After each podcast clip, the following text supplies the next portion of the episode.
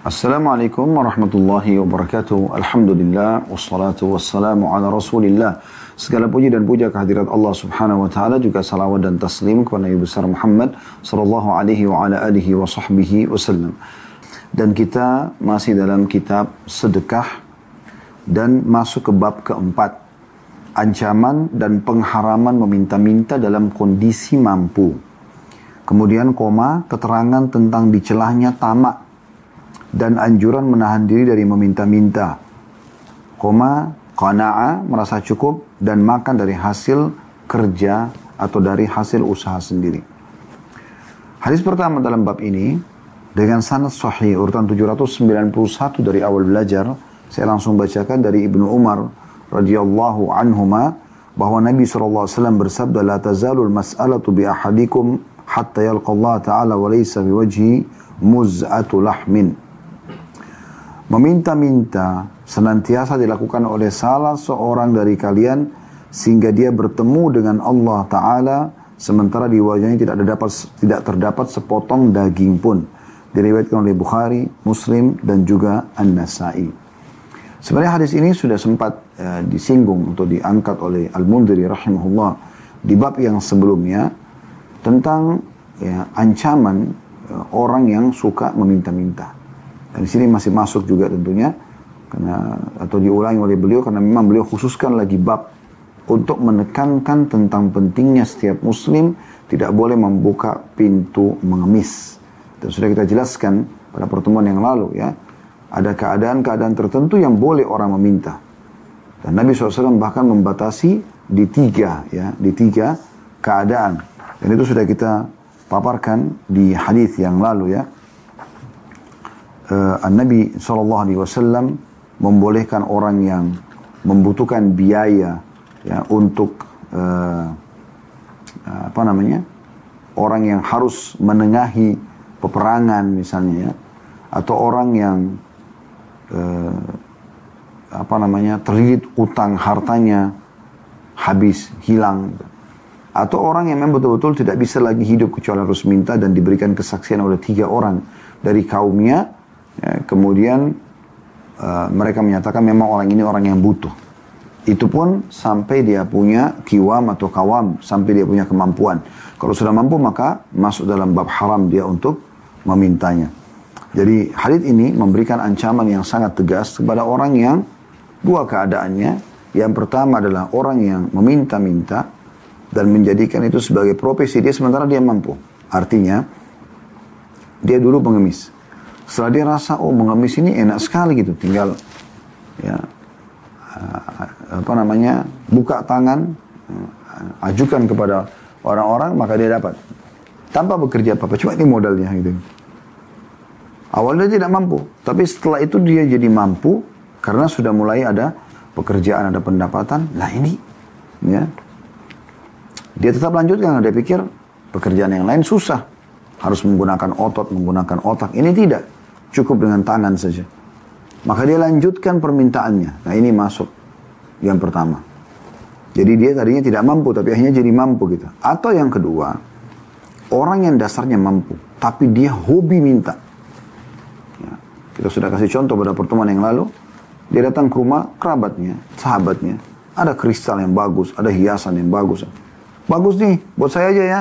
ya langsung dibawa pulang. Kenapa ini gitu? Ya.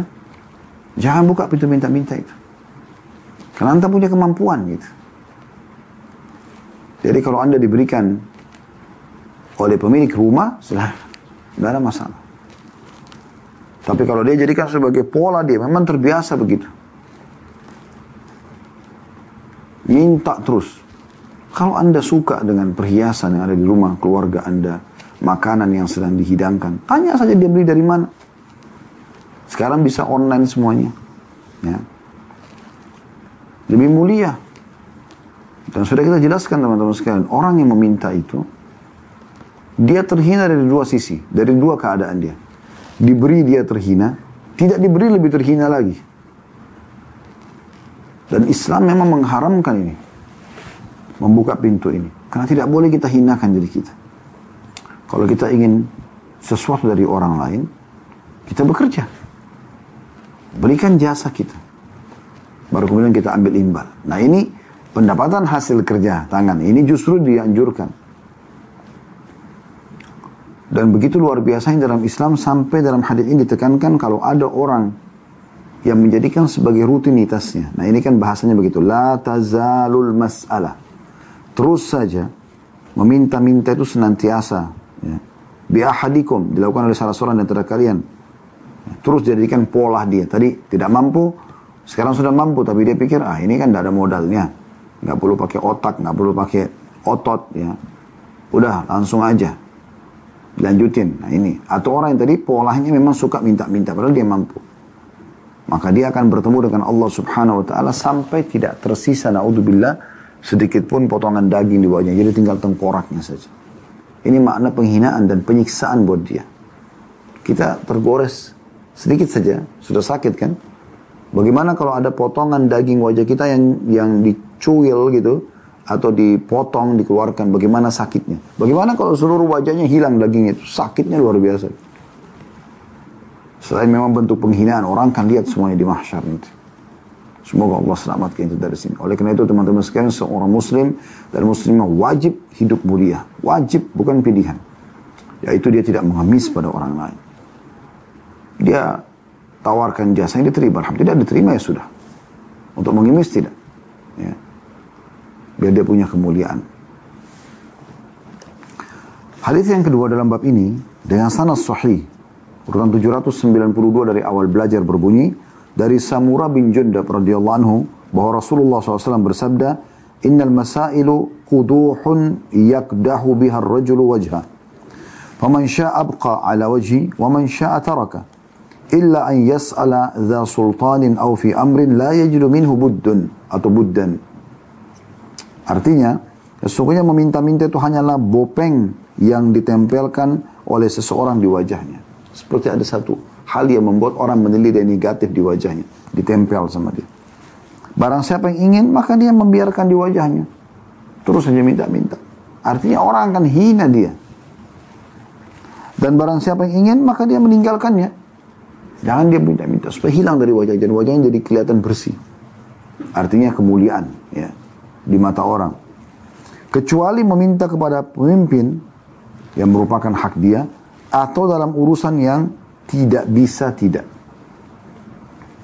Pemimpin sini dia minta haknya. Anda pegawai sebuah perusahaan, hak Anda gaji Anda, Anda minta. Lain. Ya. Anda sebagai masyarakat Anda minta kepada pemimpin yang pernah menjanjikan apa Anda minta. Ini pernah Bapak janjiin ya. Misal kita minta. Ini ada masalah. Minta. Tapi bukan dengan cara yang tidak baik. Tetap dengan cara yang santun dan sopan. Ya. Membahasakan bagaimana dengan hak saya ini. Kata Nabi SAW, kalau kalian diberikan oleh pemimpin kalian, bersyukurlah kepada Allah terima. Yang belum kalian terima dari hak kalian, sudah usaha tapi tidak dikasih, ya sudah, berharaplah dari Allah subhanahu wa ta'ala. Allah akan gantikan. Allah gantikan dengan rezeki yang semisal atau lebih, plus lagi pahala. Karena dia masuk dalam bab cobaan di sini. Atau sesuatu yang harus, tidak bisa tidak. Sekarang misal, kita haus sekali tiba-tiba. Sangat haus. Kita cari air nggak ada. Kebetulan ada orang yang memang ya, dia mungkin di sebelah kita duduk di bus misalnya. Kita nggak bisa turun di kereta api dan kita bisa tahu, tanya orang itu dia punya air mineral dua. Bisa nggak airnya saya beli misalnya. Kalau enggak ya sudah. Dia kasih misalnya, ya sudah kita ambil. Karena tidak bisa haus sekali. Kering sekali tenggorokan. Tidak mungkin kita beli, tidak ada tempat penjualan. Misal, ini contoh saja.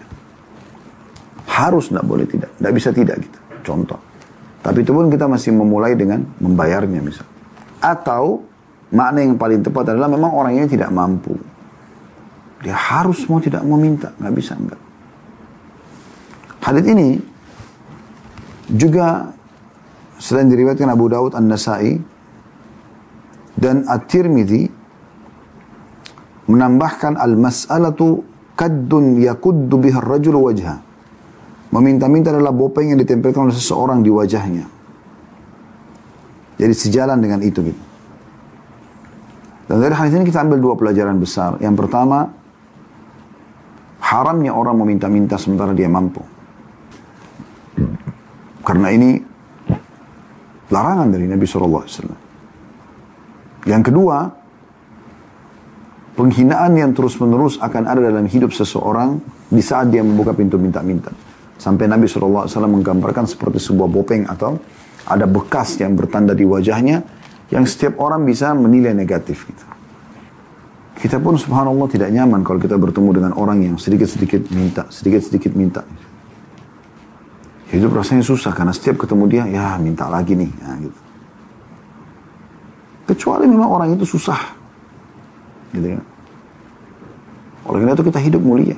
Dan ingat sabda Nabi Shallallahu Alaihi Wasallam, Siapa yang membuka pintu kemuliaan, tidak mengemis, Allah bukakan baginya pintu kekayaan. Dan siapa yang membuka pintu mengemis, Allah bukakan baginya pintu kemiskinan. Jadi kemuliaan dengan bekerja dan kehinaan kalau memang dia mengemis. Tentu dalam keadaan memang dia dia mampu ya. Hadis yang ketiga mirip dengan yang tadi ya. Mirip-mirip semua hadisnya dengan sanad sahih urutan 793 berbunyi dari Ibnu Umar radhiyallahu anhuma. Dia berkata aku mendengarkan Rasulullah SAW bersabda al-mas'alatu quduhun fi wajhi sahibiha yaumal qiyamah wa man syaa istabqa ala wajhi meminta-minta adalah bopeng di wajah pelakunya pada hari kiamat. Siapa yang berkehendak maka dia membiarkannya di wajahnya. Hadis ini riwayat Ahmad dan semua rawi-rawinya atau yang meriwayatkan hadis ini thiqah hadis ini mirip dengan tadi ya maknanya jadi kita tidak mengambil pelajaran baru, tapi bagaimana Nabi SAW di sini menghardik uh, orang yang suka minta-minta, sekaligus melarang umatnya untuk membuka pintu-pintu ini. Kecuali dalam keadaan yang sudah beliau izinkan saja. Kita langsung masuk hadis keempat dengan sanad Hasan di. Menjadi Hasan karena dikuatkan dengan riwayat-riwayat lain. Dan urutan 794 dari awal belajar berbunyi dari Ibnu Abbas radhiyallahu anhu dia berkata Rasulullah SAW bersabda man sa'ala an-nasa fi ghairi faqatin nazalat bih au iyalin la yutikuhum ja'a yawmal qiyamati wajh bi wajhin laisa alaihi lahmun. Barang siapa yang meminta-minta kepada manusia bukan karena kemiskinan yang menimpanya atau tanggungan keluarga yang tak sanggup dia pikul maka dia akan datang pada hari kiamat dengan wajah tanpa daging. Di hadis ini Nabi SAW menjelaskan setelah di hadis-hadis sebelumnya hardikan tentang orang yang mengemis, beliau di sini menyebutkan tentang keadaan orang yang boleh. Ada dua di sini disebutkan hadis. Yang pertama adalah karena dia orang miskin, dia nggak bisa kecuali dia minta. Dia sudah coba melamar kerja sana sini nggak diterima. Kalaupun dia punya pendapatan yang dia dapatkan, tidak cukup. Makna au iyalin. Iyal bisa bermakna juga anak-anak. Ada anak-anak banyak dia tanggung. Gitu kan? Yang Allah SWT mudahkan, Masya Allah dia punya anak banyak dan dia sulit untuk membiayai mereka. Kalau dia kasih, dia paksakan dengan pendapatan dia mungkin cuma bisa makan dua orang misalnya. Anaknya empat orang. Belum dia sama istrinya misalnya. Maka itu keadaan yang dibolehkan. Orang miskin. Itu pun dia coba sekali lagi ya, tawarkan jasa dulu. Bekerja jadi ya, supir kah, bekerja jadi buruh kasar kah, bekerja apa saja. Supaya dia mulia. Kalau sudah cuma melamar sana sini tidak bisa dan hari itu harus makan keluarga, dia minta. Ke tetangganya, ke saudara-saudaranya muslim yang ada di masjid ya Tinggal dia bahasakan baik-baik. Gitu. Semoga Allah berikan jalan keluar dan pada saat dia sudah mampu dia berhenti untuk minta-minta. Karena kapan dia membuka masuk dalam akhir hadis ini. Kalau dia bukan karena miskin, sudah punya kemampuan, maka di wajahnya akan hilang daging pada hari kiamat maksudnya. Sudah kita bahasakan tadi ya. Kalau ada dipotong sedikit aja dibuat bulatan misalnya, itu sudah sakitnya luar biasa gitu. Bagaimana kalau seluruh wajah copot dagingnya? Kemudian yang kedua adalah atau anak-anak atau keluarga yang tak sanggup dia pikul. Ya, jadi karena banyaknya keturunannya. banyak tunggangan tanggungan dia. Bisa mis kalau yang pertama tadi bisa umum ya, bisa saja dia tidak ada keluarganya dia sendirian tapi dia miskin. Dia harus minta supaya dia bisa makan gitu. Oleh yang kedua ini lebih khusus kepada ya, seorang suami atau ayah atau seorang ibu yang mungkin sudah menjanda. Dia apa boleh buat? Harus ya, ya meminta agar terpenuhi kebutuhannya. Nah ini dibolehkan. Kalau selain daripada ini, Nabi SAW mengatakan akan datang hari kiamat, sementara ada hukuman. Dihinakan oleh Allah SWT dan disiksa dengan daging wajahnya dihilangkan. Di dalam hadis yang serupa dengan ini, hadis nomor 5 Hasan di ghairihi, menjadi Hasan dikuatkan kena riwayat-riwayat lain. Dan urutan 795 dari awal belajar berbunyi dari, dari dan uh, Rasulullah SAW dari Rasulullah SAW beliau bersabda, "Man fatah ala nafsi baba mas'alatin min ghairi faqatin nazalat bi aw iyadin la yutiquhum, fatah Allah alaihi baba faqatin min haitsu la yahtasib." Barang siapa yang membuka pintu meminta-minta untuk dirinya bukan karena kesulitan yang menimpahnya atau tanggungan keluarganya yang tidak mampu dia pikul, maka Allah akan membukakannya untuk Allah akan membuka membuka untuknya pintu kemiskinan dari jalan yang dia tidak sangka-sangka. Diriwayatkan oleh Al-Baihaqi. Ya, luar biasa ancaman ini. Semoga Allah selamatkan kita dari mengemis ini. Ya. Kalau tadi dia mengemis bukan karena dia miskin, dia tidak bisa lagi mendatangkan pendapatan atau tanggungan istri dan anaknya atau anak-anaknya, ya, maka wajahnya akan hilang dagingnya pada hari kiamat. Copot ya, jadi sakit itu. Jangan cuma dibayangkan itu tengkorak saja, cuma penampilan yang menakutkan. Bukan. Memang itu dicopotin berarti sakit itu. Karena bagian kulit kepala dan lehernya segala masih ada, cuma bagian wajahnya dihilangkan. Itu sakit sekali. Dan terhina. Di hadis yang kelima ini, siksaan yang lain. Yaitu, diancam dengan kemiskinan. Ini banyak orang tidak sadar. Kalau seandainya uh, di dalam surah At-Talaq surah nomor 65 ayat 2 dan 3 Allah janjikan untuk ayat 3 nya tepatnya surah At-Talaq ya. Allah janjikan orang yang bertakwa yarzuqu min haitsu la yahtasib. Allah berikan rezeki dari tempat tidak disangka-sangka. Kalau ini ya itu kalau orang bertakwa kepada Allah. Kalau ini lawannya ya. Orang yang membuka pintu mengemis ini tanpa ada hajat apalagi dia mampu, maka Allah akan bukakan pintu kemiskinan dari tempat tidak disangka-sangka. Bangkrut usahanya, ditipu orang, dia segala macam hal bisa terjadi. Sehingga dia tiba-tiba jatuh miskin yang tadinya mampu. Berarti orang kalau mau kaya sebaliknya, jangan pintu, buka pintu mengemis. Dan selalu loyal berbagi dengan orang lain. Hadis selanjutnya hadis nomor 6 dengan sanad sahih urutan 796 dari awal kita belajar berbunyi dari A'id bin Amr radhiyallahu anhu anna rajulan atan nabiyya sallallahu alaihi wasallam yas'aluhu fa'atahu falamma wada'a rijlahu ala uskuffati uskuffati al-bab qala Rasulullah sallallahu alaihi wasallam la ya'lamuna ma fil mas'alah ma masya ahadun ila ahadin yas'aluh bahwa seorang laki-laki datang meminta kepada Nabi SAW maka beliau memberinya ketika dia meletakkan kakinya di palang pintu Rasulullah SAW bersabda, andai mereka mengetahui keburukan yang ada pada meminta-minta, niscaya tidak ada seorang pun yang berjalan kepada seseorang untuk meminta. Hadis ini diriwayatkan oleh An-Nasai. Jadi hadis ini serupa tujuan dan maksudnya dengan hadis-hadis sebelumnya, hanya saja berbeda ya retorika penyampaian Nabi Shallallahu Alaihi Wasallam. Kalau tadi ada hadis tentang hilang daging dari wajahnya, Hadis yang selanjutnya juga Allah datangkan pintu kemiskinan buat dia.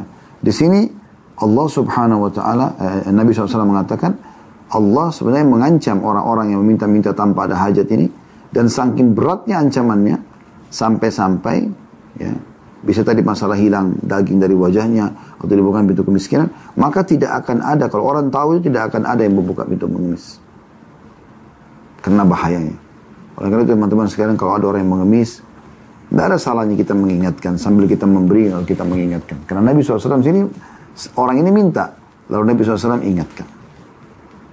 Tapi belum tetap memberi, gitu kan? Bukan cuma nasihat lalu kita biarkan dia pergi kelaparan, tidak. Kita beri lalu kita ingatkan. Ini hanya boleh di saat bapak atau ibu tidak mampu. Di saat sudah mampu, nggak boleh lagi. Harus hati-hati, jangan jadikan mengemis ini sebagai profesi. Ya. Tapi harus hidup, ya mulia, bekerja, produktif.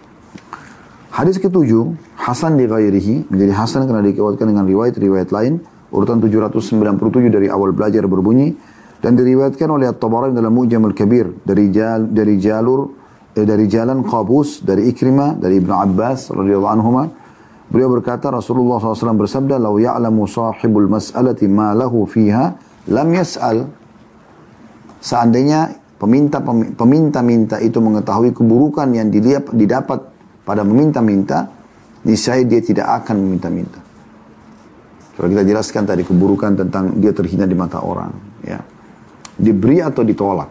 Sama. Ini buruk di mata orang. Kalaupun Anda pernah diminta lalu diberi oleh orang, lalu satu waktu Anda menjabat, Allah bukakan pintu rezeki juga, tetap di mata orang itu, oh orang itu pernah minta-minta sama saya. Ada bekasnya. Belum lagi tadi ancaman yang sangat berat.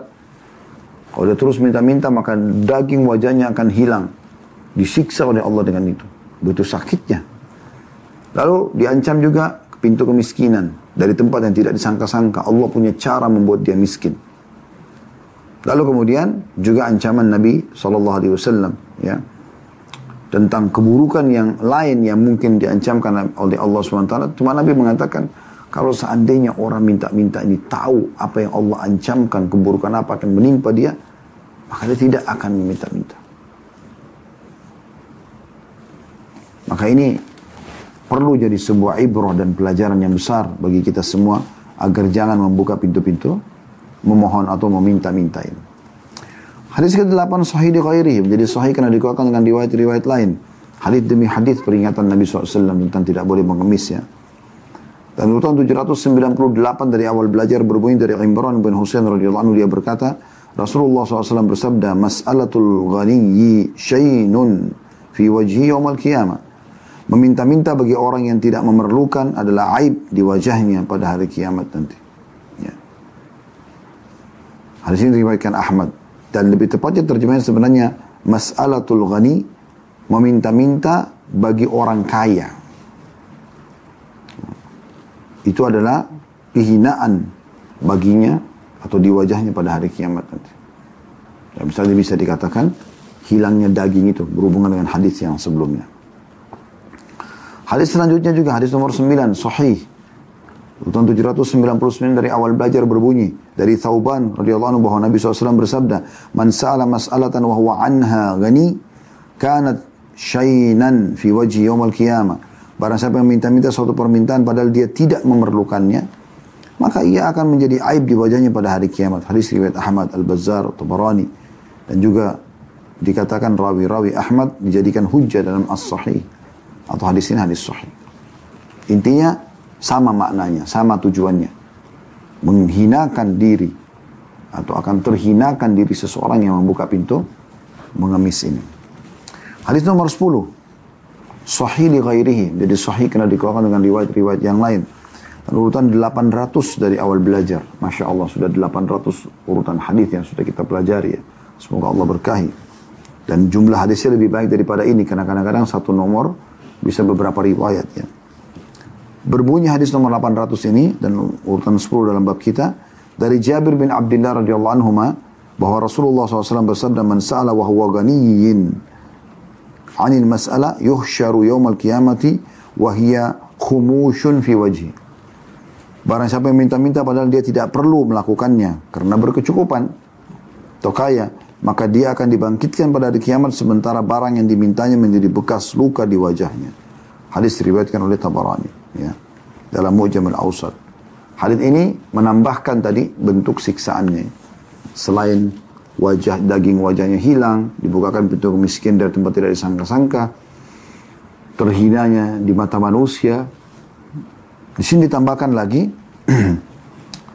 apa yang dia minta barang itu Allah jadikan sebagai penghinaan di wajahnya. Bagaimana bentuknya Allah wa'ala. Tapi bisa difahami juga bahwasanya orang-orang jadi tahu oh, orang itu suka minta-minta benda ini dulu. Allah berikan gambaran begitu, penghinaan di wajah dia. Jadi sejalan maknanya dengan hadis-hadis yang sebelumnya ya. Karena ini semakna kurang lebih. Hadis ke-11, Sahih ghairihi Jadi sahih kena dikeluarkan dengan riwayat-riwayat lain dan urutan 801 dari awal belajar berbunyi dari Mas'ud bin Amr radhiyallahu anhu dari Nabi sallallahu alaihi wasallam annahu utiya bi rajulin yusalli alaihi faqala kam taraka? Qalu dinaraini aw thalath. Qala taraka kitaini aw thalath kiyat. Ya. Bahwa dihadirkan kepada Nabi SAW jenazah seorang laki-laki untuk beliau sholatkan maka Nabi SAW bersabda, berapa harta yang dia tinggalkan? Maka mereka menjawab, dua atau tiga dinar. Maka beliau SAW menjawab, dia meninggalkan dua atau tiga bekas bakar karena besi panas. Diriwayatkan oleh Al-Bayhaqi dari riwayat Yahya bin Abdul Hamid Al-Himmani. Hadis ini memberikan pelajaran kepada kita, bukan berarti jenazah ini yang dimaksud meninggalkan harta untuk warisannya ya, dari hal halal, bukan. Tapi yang dimaksud adalah orang ini yang jadi jenazah selama hidupnya suka minta-minta, mengemis. Maka dari hasil minta-mintanya itu ada yang tersisa. Sementara dia bukan orang yang layak untuk menerima bantuan. Maka dia akan datang pada hari kiamat nanti. Ya, orang ini dengan besi bakar. Ya, atau bekas bakar karena besi panas. Maksudnya akan dihukum dengan besi panas pada tubuhnya atau pada wajahnya. Nah ini tambahan siksaan lagi. Sebenarnya satu siksaan sudah cukup buat kita teman-teman menjauhi. Semoga Allah selamatkan kita dan semoga Allah kayakan kita dengan harta-harta halal, dengan uh, akhlak-akhlak yang mulia sehingga kita tidak pernah bergantung dan mengemis pada orang-orang itu.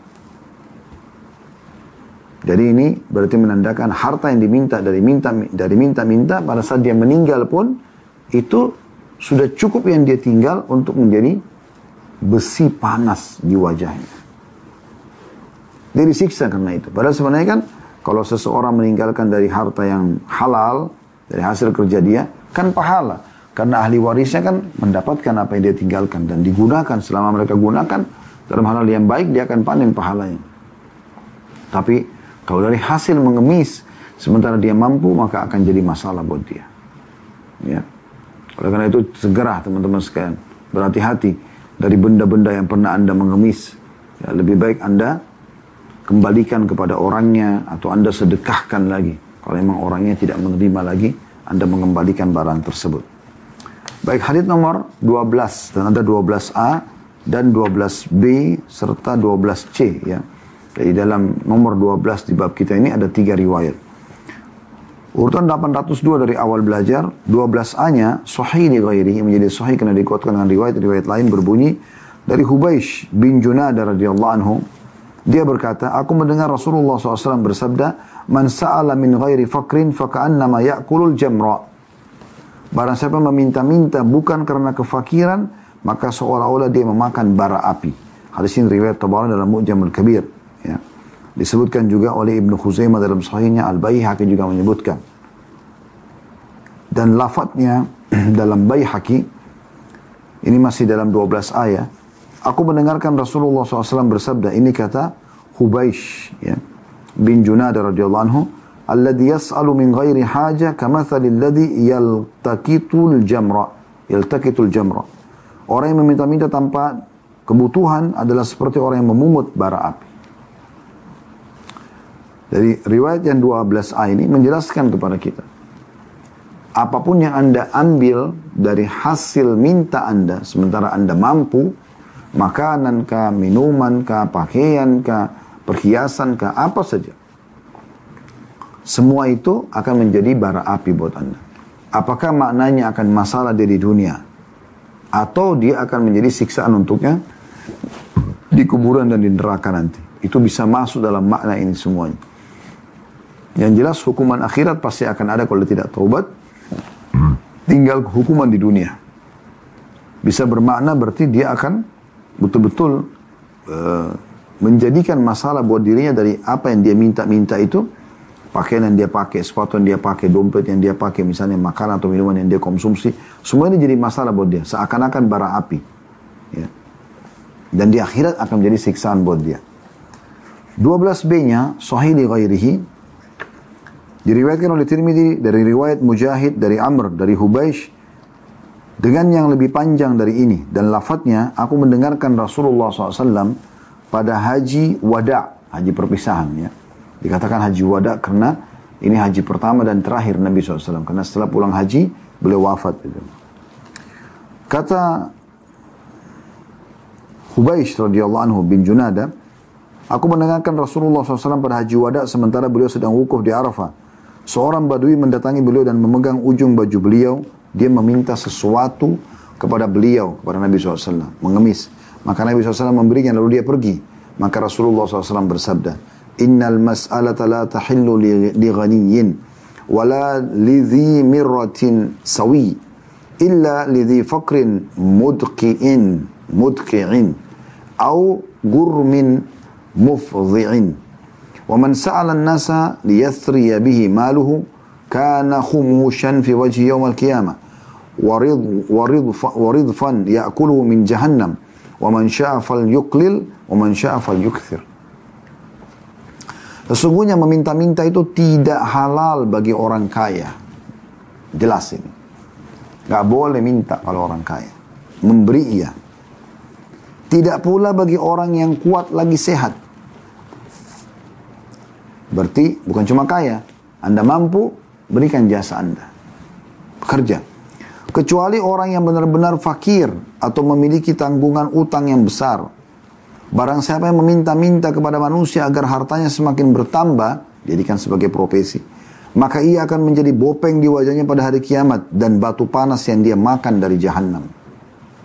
Siapa yang ingin, maka hendaklah dia meminimalkan, berhenti, minta-minta itu kecuali yang dia butuhkan saja.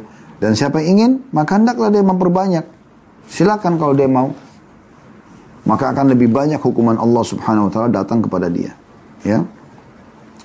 Ini luar biasa. Berarti di akhirat di sini dipastikan selain daging wajahnya hilang, ya, kemudian ada bopengnya, ditambah lagi di sini dia akan diberikan makanan dari batu bara api neraka pada hari kiamat. Wa naudzubillah, ya. Ini semua karena meminta membuka pintu-pintu minta-minta. Ingat hati terutama orang yang sudah kaya ini, ya. Kemudian hadis yang 12C-nya Sahih di ghairihi Razin menambahkan padanya wa inni la'u'tir rajul al-atiyata fayantaliku biha tahta ibti wa ma hiya illa an-nar faqala lahu Umar tu'ti ya Rasulullah ma huwa nar faqala aba Allah lil bukhla wa abau illa mas'alati qalu wa mal ghina alladhi la yanbaghi ma'ahu al-mas'ala qala qadru ma yugaddihi aw yu'ayyi aw yu'ayshihi Sesungguhnya dalam riwayat lainnya, aku memberikan pemberian kepada seseorang, lalu dia pulang membawanya di bawah ketiaknya. Dimasukkan kantongnya, ya. Atau dia jepit di bawah ketiaknya. Kata Nabi SAW, ada orang minta aku kasih ini. Dia bawa, ya. Padahal ia tidak lain melainkan api neraka. Kenapa? Karena yang datang minta-minta orang mampu. Gitu kan? Maka Umar berkata, ya Rasulullah, lalu mengapa engkau memberikan sesuatu yang merupakan neraka buat dia?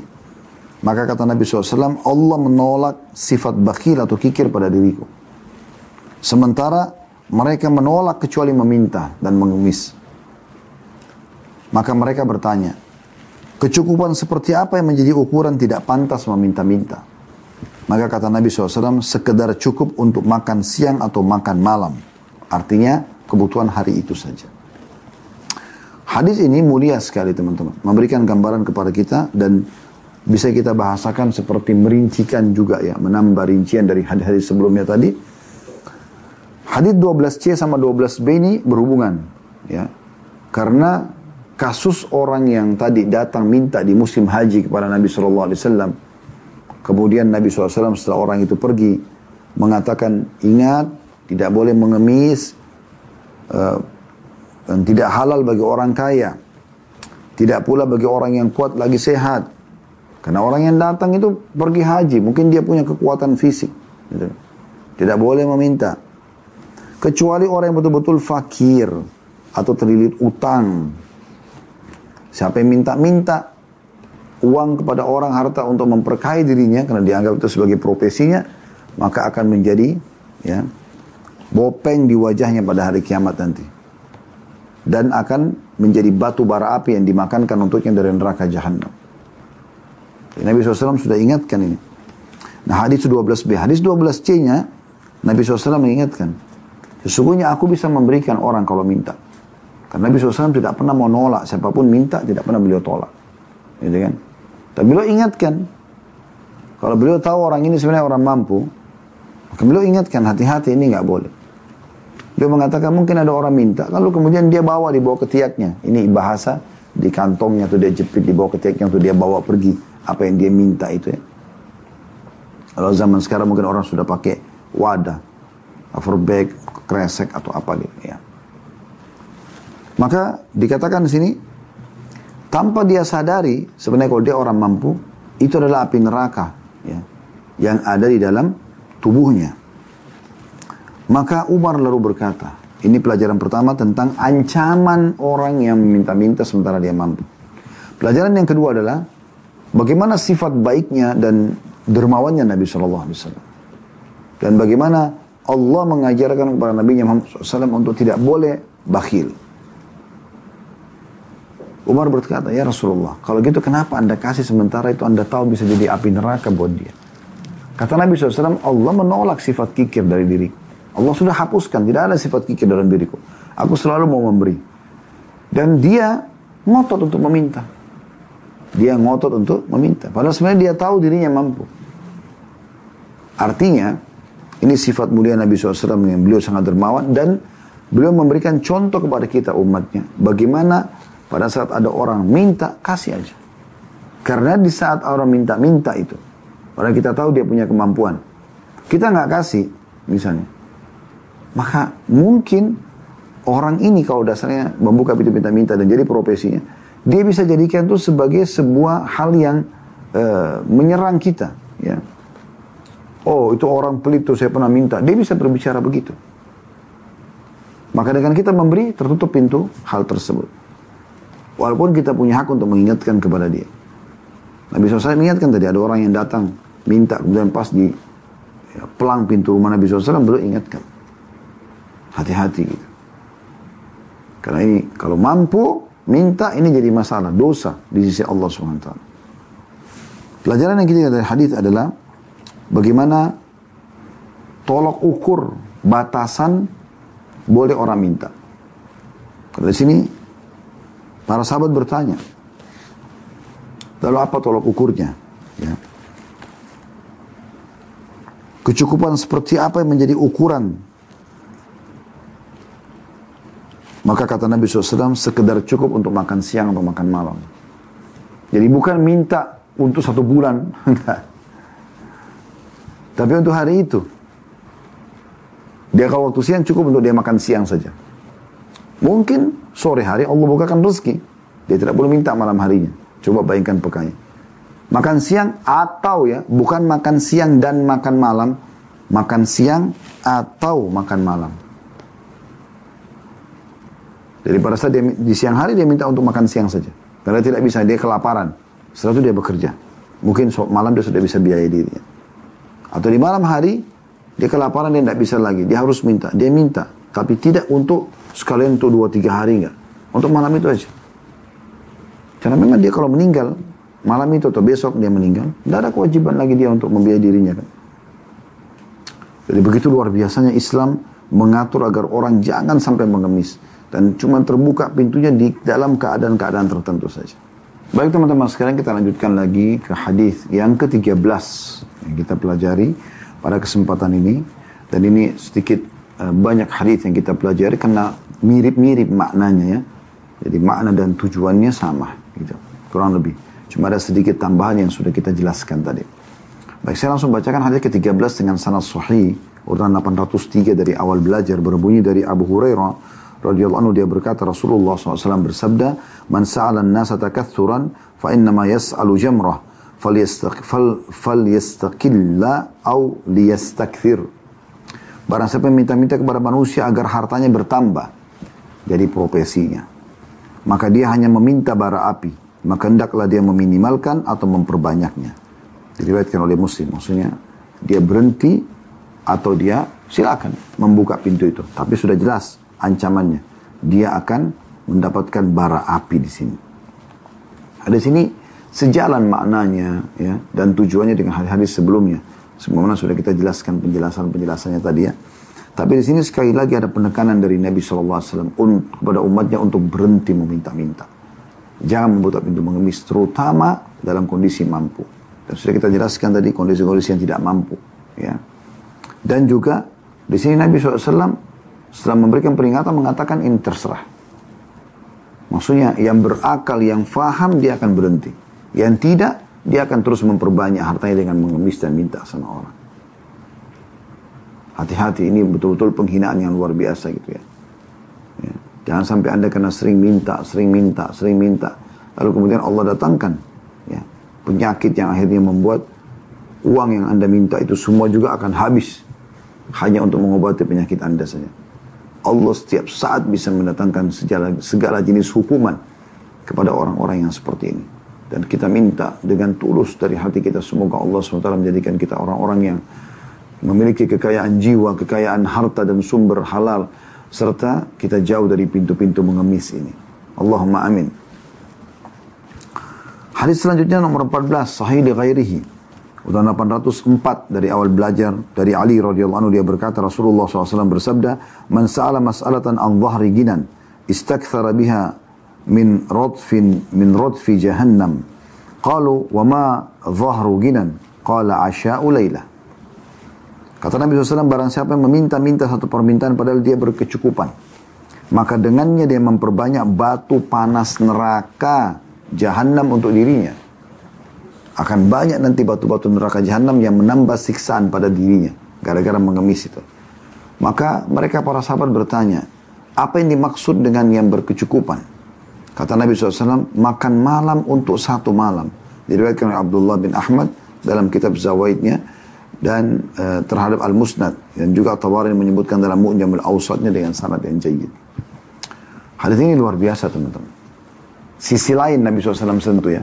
Kalau tadi ancaman, ancaman, ancaman sekarang Nabi SAW lebih kepada uh, penyebutan pada saat sahabat tanya kira-kira yang dianggap orang itu punya kecukupan. Supaya dia tidak boleh meminta. Apa itu? Kata Nabi SAW di saat dia bisa makan malam di malam itu. Jadi malam hari dia bisa makan. Ya udah berarti tidak boleh minta sama sekali. Berarti yang boleh minta adalah orang yang tidak punya sama sekali, nggak bisa makan. Coba bayangkan. Ini hal yang paling sederhana. Artinya orang makan sebungkus nasi misalnya dengan sedikit lauk. Masya Allah kita di Indonesia, Allah berkahi masih bisa makan dengan 10 ribu rupiah. Bahkan saya berapa kali lihat penjual-penjual kaki lima, jual segala macam makanan, kue-kuean. Masya Allah, tabarakallah. Ya. Seribu rupiah. Ya. Satu gitu. Saya nggak tahu bagaimana ada, ada keuntungannya, tapi karena mereka mulia mereka jual itu. Tapi kita juga ambil pelajaran ternyata mudah sekali orang untuk hidup dan tidak perlu dia mengemis. Beda kalau kita diberi tanpa minta, karena itu terbuka sekali pintunya, boleh saja. Tapi kalau tidak, maka ini berbahaya sekali. Baik teman-teman sekalian, kita akan tutup dengan hadis ini, ya. Hadis ya, nomor 15. Dan ini ada beberapa riwayat di sini, ada tiga riwayat yang saya lihat ya. Dengan sanad sahih, urutan 805 dari awal belajar berbunyi, dari Sahal bin al al-Hanzaliyah radhiyallahu anhu dia berkata qadima Uyainah bin Uyainah bin Husn wal Aqra bin Habis ala Rasulillah sallallahu alaihi wasallam fasa'alahu فأمر معاوية فكتب لهما ما سألا فأما الأقرأ فأخذ كتابه فلفه في عمامته وانطلق وأما أيينة فأخذ كتابه وأتى به رسول الله صلى الله عليه وسلم دلم كور مكانه. فقال يا محمد أتر أتراني حاملا إلى قوم كتابا لا أدري ما فيه كصحيفة المتلمس فأخبر معاوية بقوله رسول الله صلى الله عليه وسلم فقال من سأل وعنده ما يغني فإنما يستكثر من النار. وقال النفيلي وهو أحد رواته في موضع آخر من جمرة جهنم. فقالوا يا رسول الله وما يغنيه؟ وقال النفيلي في موضع آخر وما الغنى الذي لا ينبغي معه المسألة؟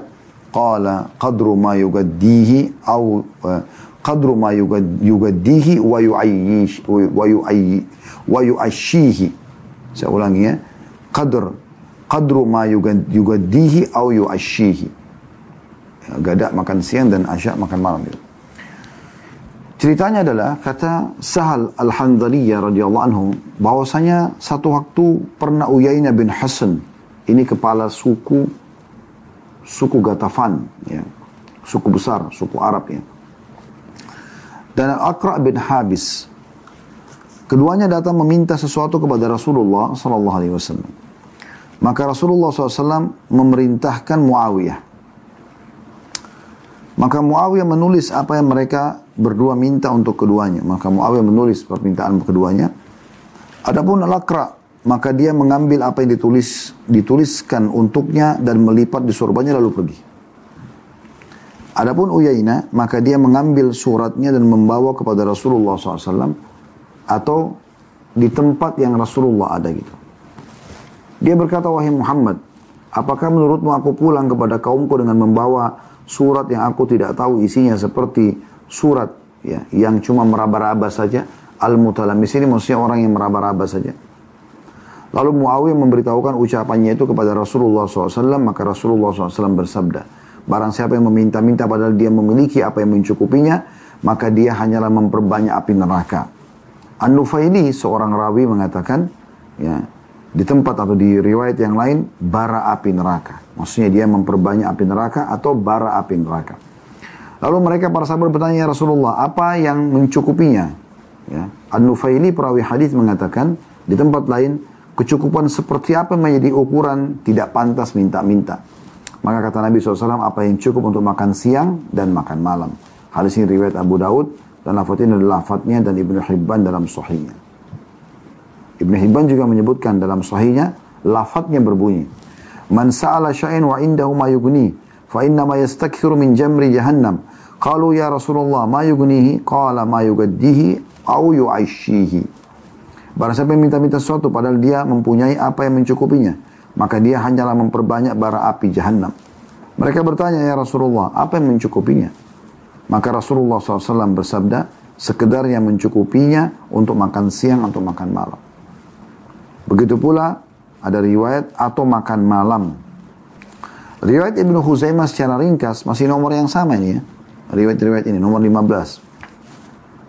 Hanya saja ada dia berkata kila ya Rasulullah mumal ginal ladzi la bagi ma'hu mas'alah. Qala an yakuna lahu syub'un yaumin wa laila au lailatin wa yaum. Ditanyakan kepada Rasulullah SAW, wahai Rasulullah, kecukupan apa yang kira-kira menjadi ukuran tidak pantas minta-minta. Maka kata Nabi SAW, seseorang yang memiliki apa yang mengenyangkannya sehari semalam atau semalam sehari. Di sini ada jelasan, ada penjelasan qasahifatil mutalammis seperti surat al-mutalammis ini adalah peribahasa yang dipakai oleh orang Arab untuk seseorang yang membawa sesuatu sementara dia dia tidak mengetahui apakah sesuatu yang dibawanya itu bermanfaat untuk dirinya atau justru merugikannya.